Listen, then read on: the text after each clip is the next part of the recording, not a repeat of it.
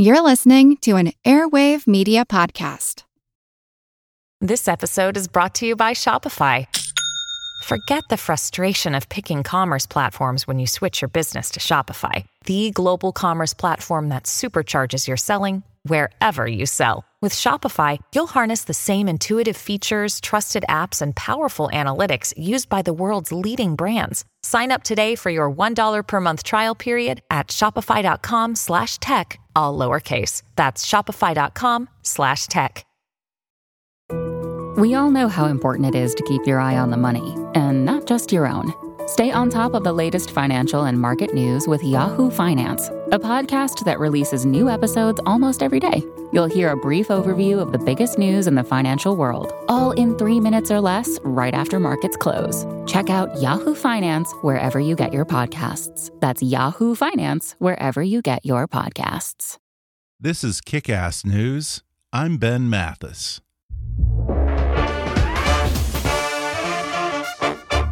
Church and State, a new dramedy about faith, politics, and the Twitter, packs plenty of humor, raves Time Out New York. HuffPost calls it powerful. It's the play NPR wishes every member of Congress would see. Now performing at New World Stages. Buy tickets at churchandstatetheplay.com. And now, enjoy the podcast. Hi. I'm Ben Mathis, and welcome to Kick Ass News. In 1961, Thomas Schelling's The Strategy of Conflict used game theory to radically re envision the U.S. Soviet relationship and establish the basis of international relations for the rest of the Cold War. Now, Dr. Anne Marie Slaughter, one of Foreign Policy's top 100 global thinkers, and the first woman to serve as director of the State Department Office of Policy Planning, is applying network theory to develop a new strategic paradigm for the 21st century. She says that while chessboard style competitive relationships still exist, many other situations demand that we look not at individual entities, but at their links to one another. Anne Marie Slaughter outlines this new set of strategies in her latest book, The Chessboard and the Web Strategies of Connection in a Networked World. Anne Marie Slaughter is the president and CEO of New America, a think and action tank dedicated to renewing America in the digital age. She's also the Bert G. Kerstetter University Professor Emerita of Politics and International Affairs at Princeton University. From 2009 to 2011, she served as Director of Policy Planning for the U.S. State Department, the first woman to hold that position, earning her the Secretary of State's Distinguished Service Award and a place on Foreign Policy magazine's list of the top 100 global thinkers. Prior to her government service, Dr. Slaughter was the Dean of Princeton's Woodrow Wilson School of Public and International Affairs from 2002 to 2009 and the J. Sinclair Armstrong Professor of International, Foreign, and Comparative Law at Harvard Law School from 1994 to 2002. Dr. Slaughter has written or edited eight books, including A New World Order, The Idea That Is America Keeping Faith with Our Values in a Dangerous World, and Unfinished Business Women, Men, Work, Family, which grew out of an article she wrote for The Atlantic titled Why Women Still Can't Have It All, which quickly became the most read article in the magazine's history. Dr. Slaughter is also a contributing editor to the Financial Times and writes a bi monthly column for Project Syndicate.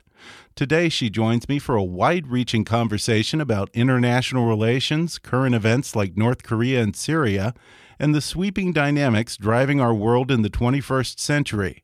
She talks about the old model of Cold War era game theory and how the U.S. needs to employ more inclusive strategies to deal with an increasingly more complex and decentralized world. She discusses how criminal and terrorist networks are using this type of organization to great effect. She talks about the divide between open and closed societies as the new capitalism versus communism, and how America First might make a good slogan, but it's a terrible strategy in the age of globalization. She also discusses her time in the State Department, what she learned working for Secretary of State Hillary Clinton, and what might have been if her old boss was the person in the Oval Office right now. Coming up with Dr. Anne Marie Slaughter in just a moment.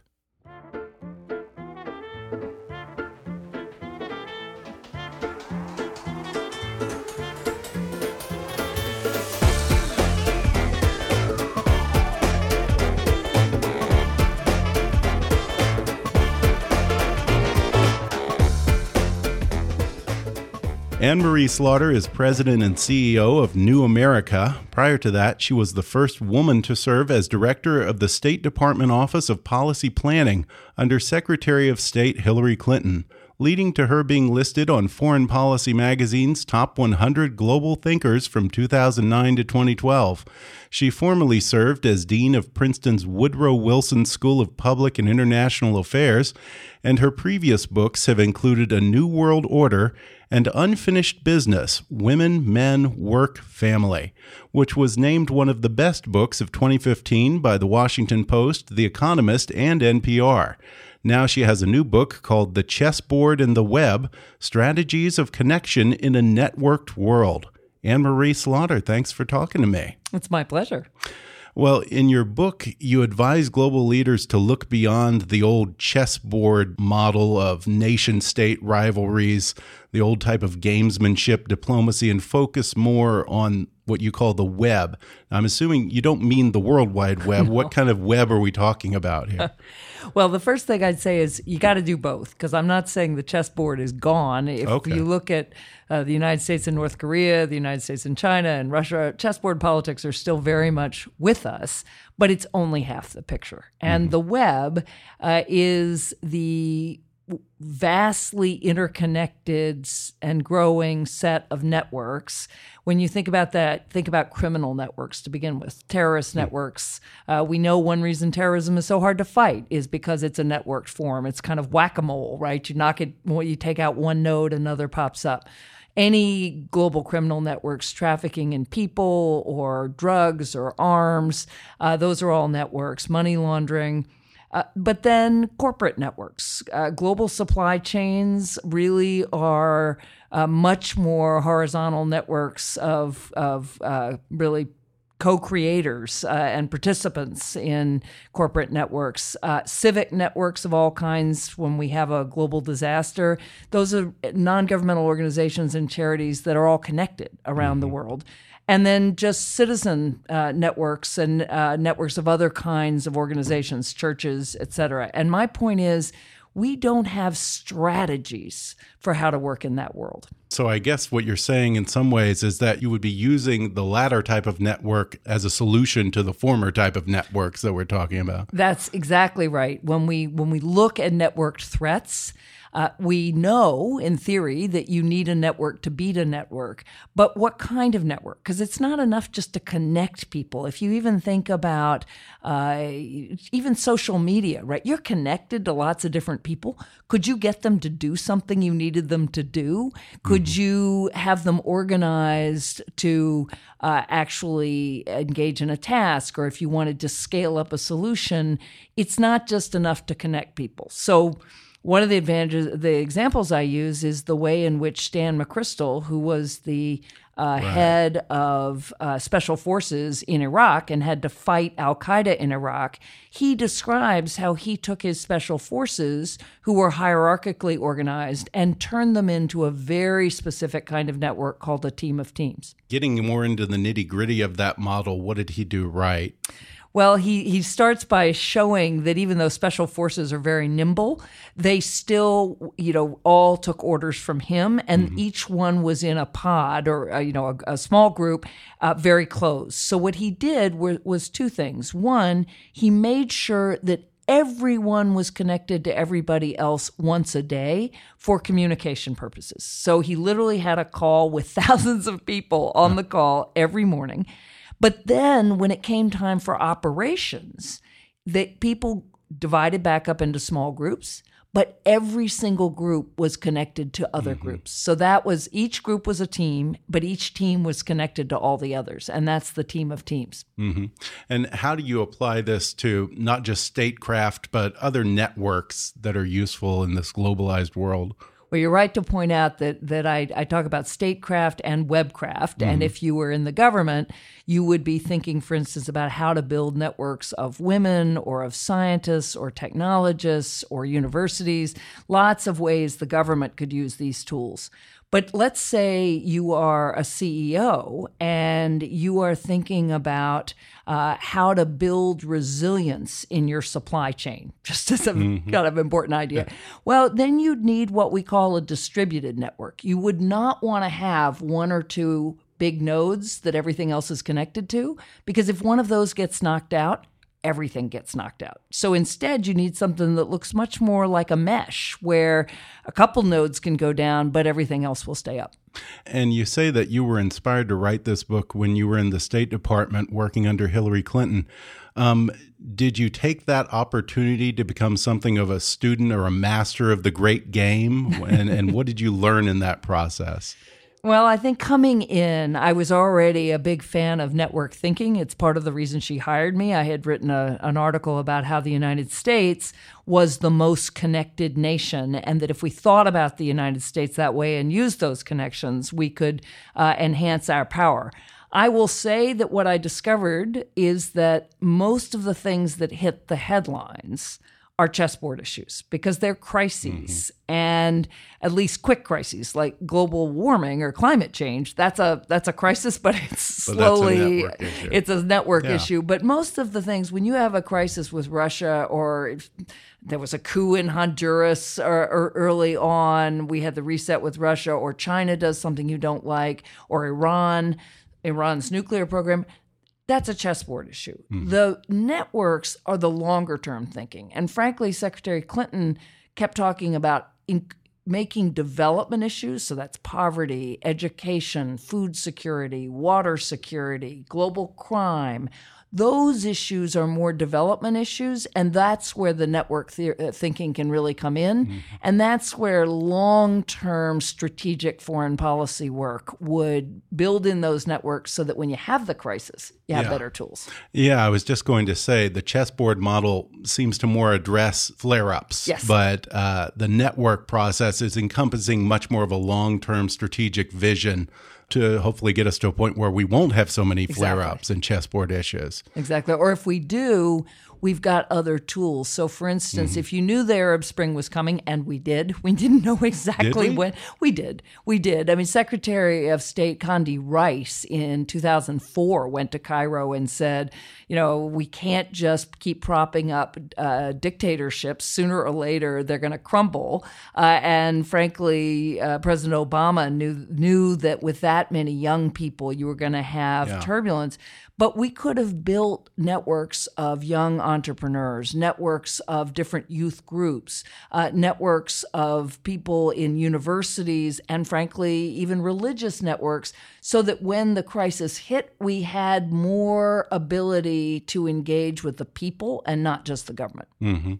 And I was interested to read in the book that you're not saying that the chessboard model is outdated or, or is a relic of the 20th century um, because I would think that perhaps it's counterproductive to deal with such serious issues that make the difference between war and peace, poverty and prosperity as a quote unquote game. well, I I would agree with you, and uh, but I I will say that when you have a dictator like Kim Jong Un in, in North Korea or Vladimir Putin for that matter, and they operate by provocation or mm-hmm. simply assertion of interests and you, you, it gets to a crisis when we say it's a game it's not that it's that it's not serious it's deadly serious it's a strategic game it's strategic sure. game it's game theory it's are we are we playing chicken yeah in which case one of us that's you know that's what we're doing with north korea right now mm-hmm. we're playing chicken it's not it's not play, it's serious, yeah. but it's chicken. Or do we have a common interest here? So, in the United States and Russia in the Cold War, we both wanted to lower nuclear arsenals because we both did not want the world to blow up. Mm-hmm. But how did we get to cooperation when there was so much distrust? And we pursued a strategy called tit for tat, where mm-hmm. you do something bad, I hit you back, you do something good, I reward you over time, we build a little trust. Uh, and my point is, we have those strategies for conflict we don't have strategies of connection.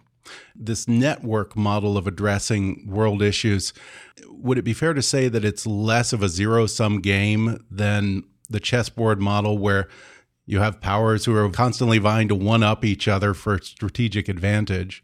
Yes, I think one of the, the key points about the wor- the networked world we're in, it's not that there isn't advantage or disadvantage, or and there's plenty of power. Power in a networked world comes from the center, but it is a much more diffuse situation. It's hard to figure out who the winners and losers are often, and overwhelmingly, there's a common interest. Again, think about climate change or tackling water issues or even making a country more resilient to attack, right? If you're Ukraine and you're next to Russia, you want to build resilience in that border area.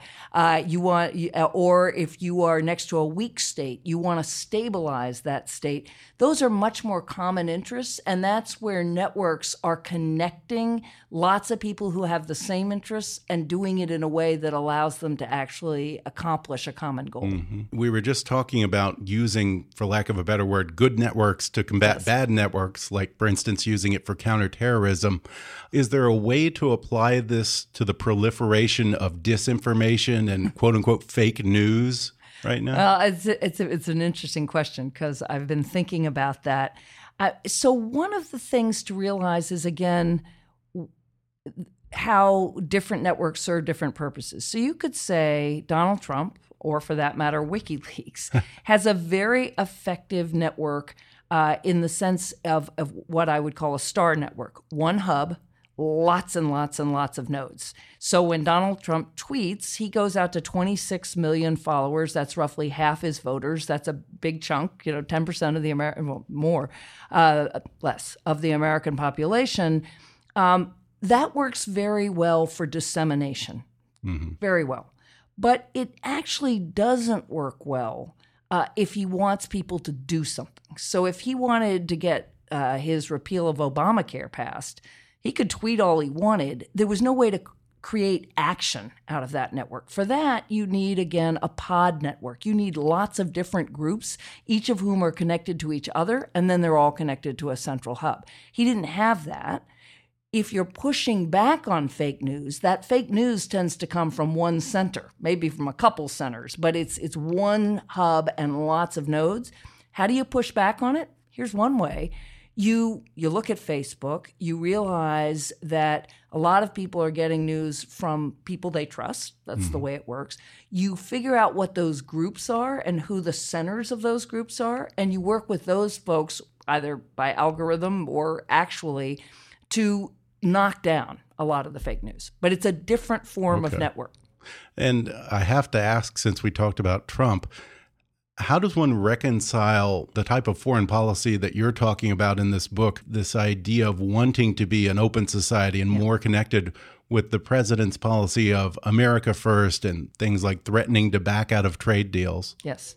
So, in a networked world, uh, the divide is exactly between those states who want to be open and those states who want to be closed. And I argue that the closed states will be the ultimate losers because you get value from from being connected to others from flows across networks. Now, that does not mean completely open. That's crazy. You can't just open your borders and and open your trade.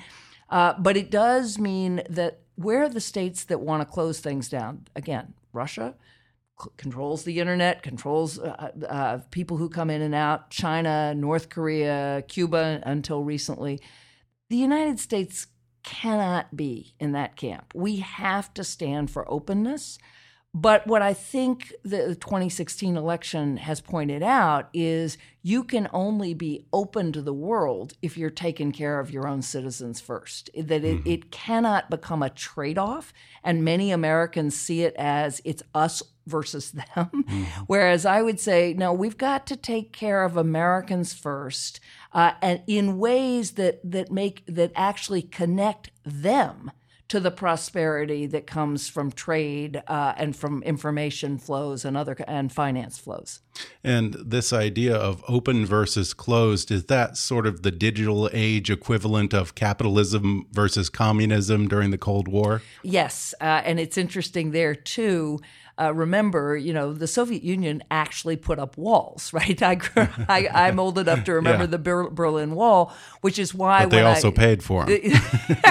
yes, but I mean, we don't want to, to, have you know the symbol of the United States uh, be a wall. Uh, but then it was communism versus capitalism or dictatorship versus democracy. I think increasingly it's going to be who can be open to the world and benefit for, from being open for everyone, mm-hmm. or at least a vast majority of citizens, and who actually maintains power by closing off uh, their country uh, from the rest of the world. We're going to take a quick break, and then I'll be back with more with Dr. Anne Marie Slaughter when we come back in just a minute.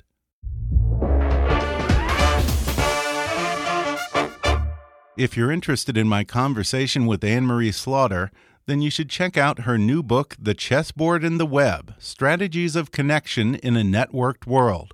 And right now, you can download the audio version of her book for free with a special promotion just for our listeners from audible.com.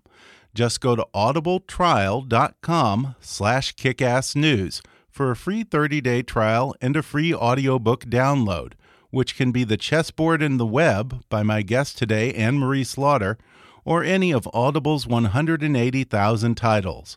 That's audibletrial.com slash kickassnews. Or click on the sponsor link on our webpage to download the free audiobook of your choice. And now, back to the show. And I had this conversation with Richard Haass the other yes. day and I asked him, and I'll ask you the same thing.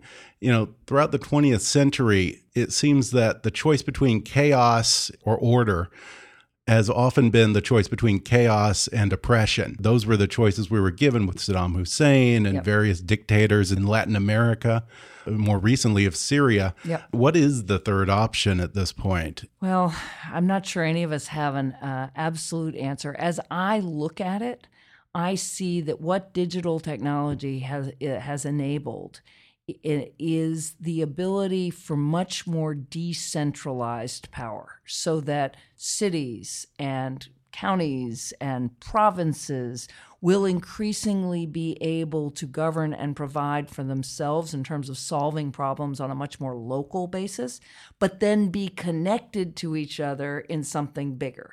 And in a way, when you look at the European Union and you see Catalonia wanting to secede and Scotland wanting mm-hmm. to secede and Belgium, which is, has fallen apart, some of what is happening there is people are saying, hey, we can take care of our own as long as we're part of this bigger market, which is why right. Scotland wants to stay part of, part of the EU.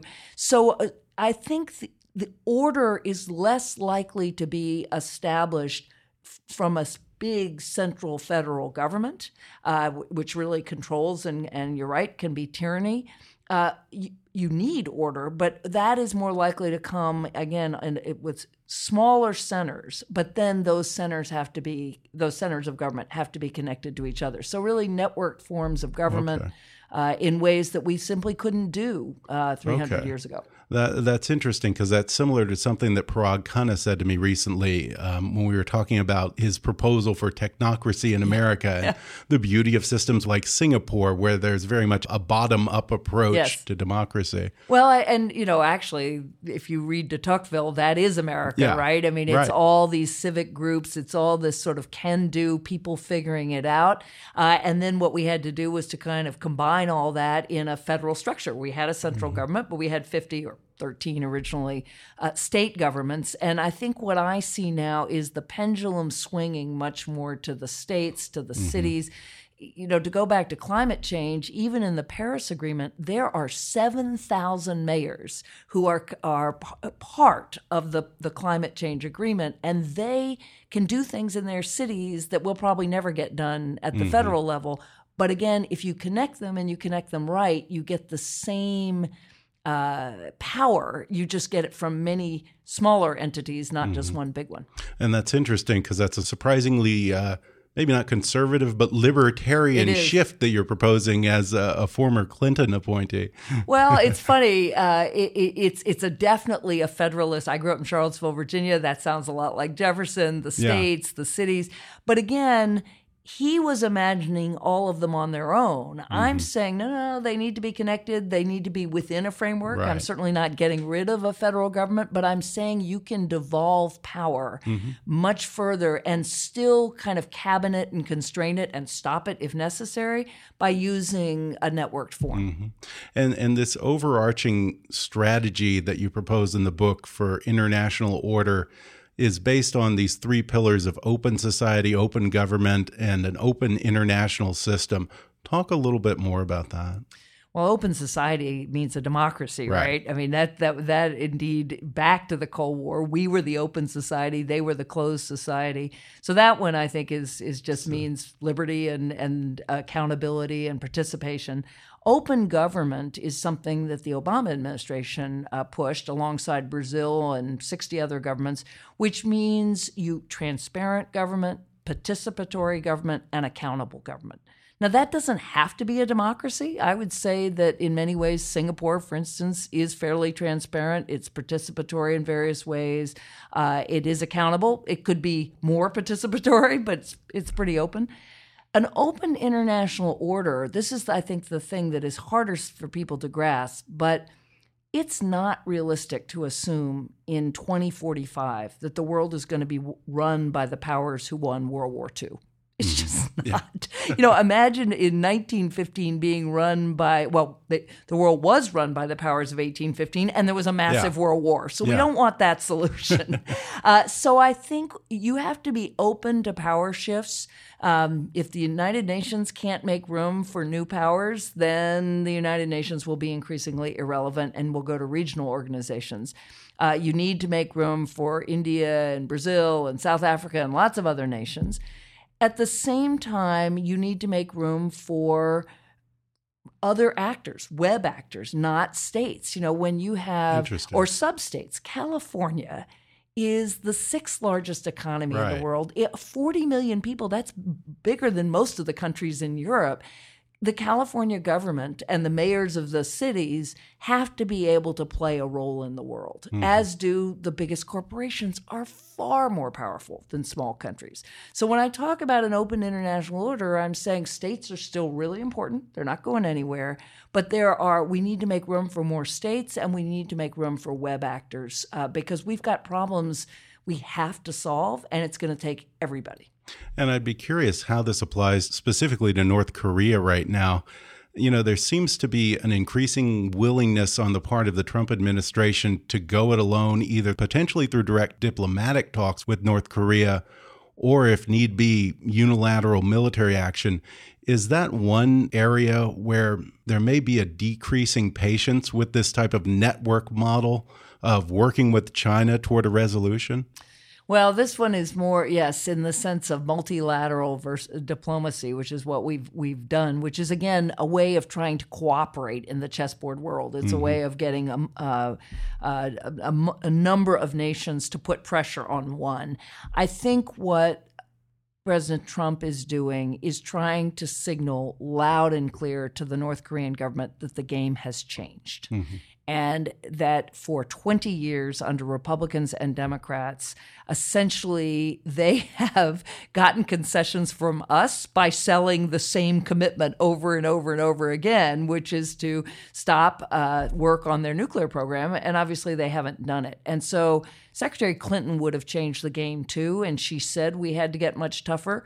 This is a very scary, risky uh, venture, but essentially the administration is trying to force the North Korean government to recognize I'm not sure what's going to happen. I really better negotiate, and this time it's got to be for real.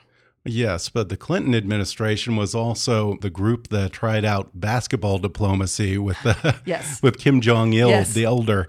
Uh, in retrospect, how how well would you say that worked? No, it didn't work. Yeah. I mean, honestly, this is one where I do think this is a power game. Mm. This is a straight power game, and the stakes are very high.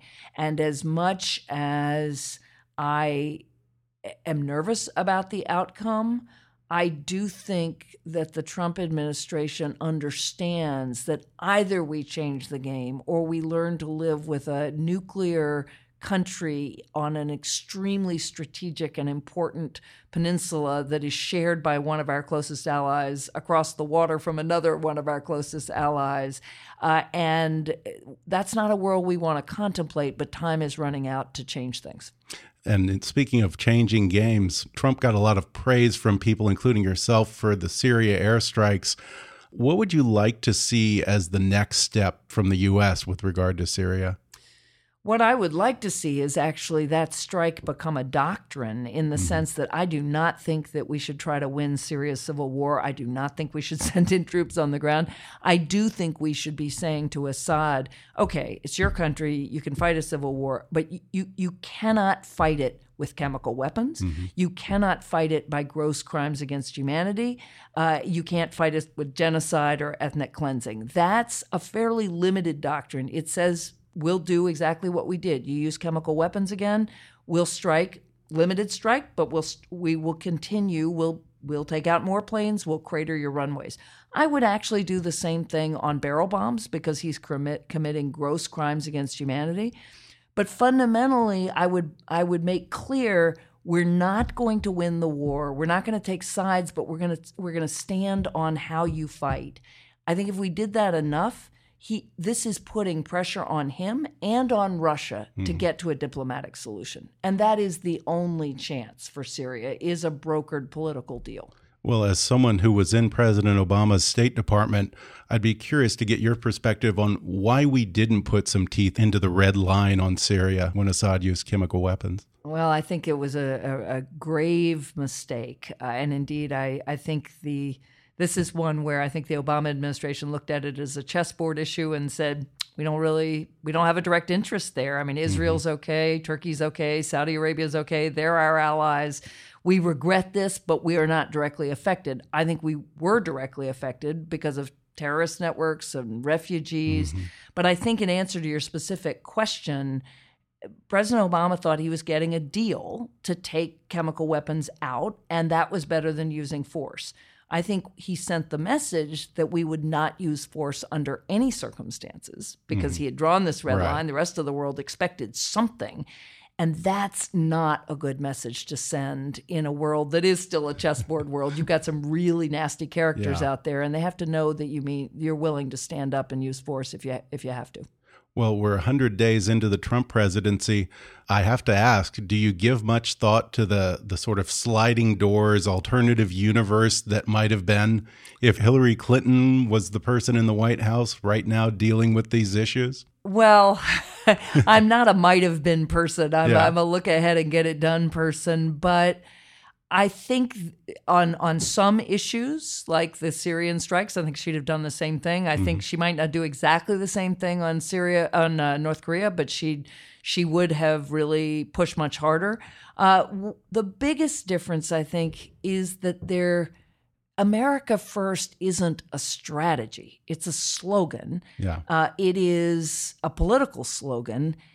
And it's one that many countries can understand in many different ways. We need a strategy, and, and particularly, again, in a world order where if we're not leading, then the countries that are leading are going to create a world we don't really want to live in. And so I understand the American people's sense of why should we have to bear every burden for uh, and and be global policemen, but I think Secretary Clinton had this understanding that when the United States is not at the table, we end up with a worse world and then sooner or later we're going to have to come back in and i would like to see this administration not just do things but articulate mm-hmm. a real strategy for what are our goals and how are we going to achieve yeah. them so you don't think about what high position you might have had in her administration. I do not. I do not. I, am uh, I'm I'm working on renewing America at this point.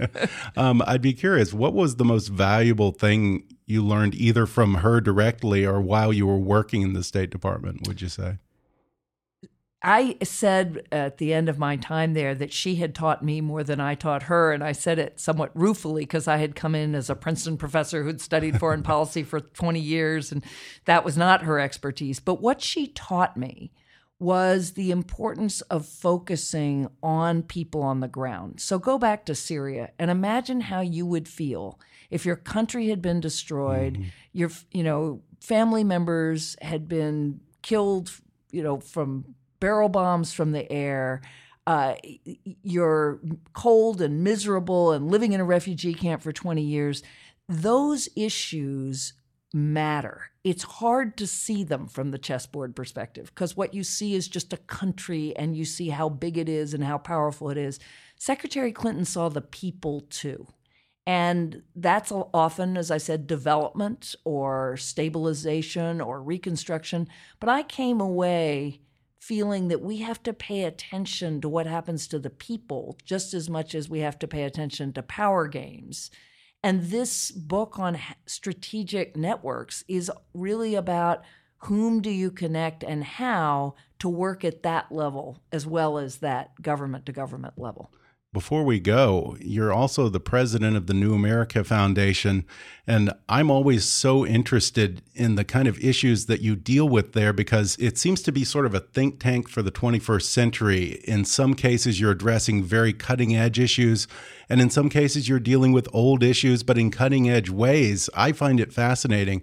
Uh, tell us a little bit more before we go about what New America does. Well, thank you. Uh, and I, I do feel very lucky actually to be running an organization. Our mission is renewing America in the digital age, and you put your finger on it. We work on problems that are created uh, by digital technology. It's great for many reasons, but it's hugely disruptive, and a lot of people have their lives upended or we work on older problems where there are there's a whole new solution set because of mm-hmm. digital technology and what we're we're focusing on now is really bottom up change. And again it's a network. We're trying to build a network of national renewal by working in different cities where the solutions are not going to come from a think tank. You can't figure this out in your head and write a paper and then pass a law. You have to try. Think about our schools.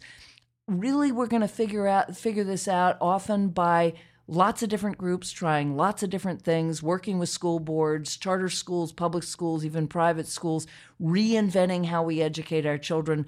That's bottom up change. So mm-hmm. back to that federalist point new america still believes strongly that you can do important things at the federal government level and we fight for policies on open technology for instance. But we also really believe that um, in America's best tradition, a lot of that change is coming from the bottom up. A lot of it uh, is tech, but also people, and we're trying to stick that to stitch that together and broadcast mm. a very different story. Yeah, I, I, really do find it so fascinating the kind of issues that you're addressing there. Remind me again, is it newamerica.org? It's newamerica.org. Okay, for absolutely. anyone who wants to check it out, absolutely. newamerica.org. And again, the book is called The Chessboard and the Web Strategies of Connection in a Networked World. Anne Marie Slaughter, thanks so much for joining me. I've had a great time.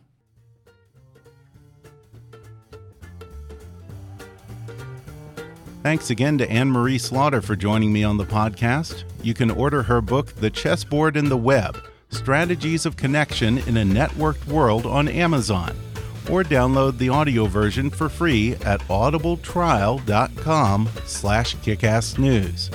And follow Dr. Slaughter on Twitter at, at SlaughterAM. Also, be sure to visit the New America Foundation, where she's president and CEO, at newamerica.org. Be sure to subscribe to Kickass News on iTunes and leave us a review while you're there. Don't forget to take our listener survey. It only takes five minutes at podsurvey.com/kick. You can visit Kickass News on Facebook and follow us on Twitter at, at KickassNewsPod and be sure to recommend Kickass News to your friends on your social media. And if you really want to help out, then donate to our GoFundMe campaign at gofundme.com slash kickassnews or click on the donate button at kickassnews.com. As always, I welcome your comments, questions, and suggestions at comments at kickassnews.com. For now, though, I'm Ben Mathis, and thanks for listening to Kick Ass News.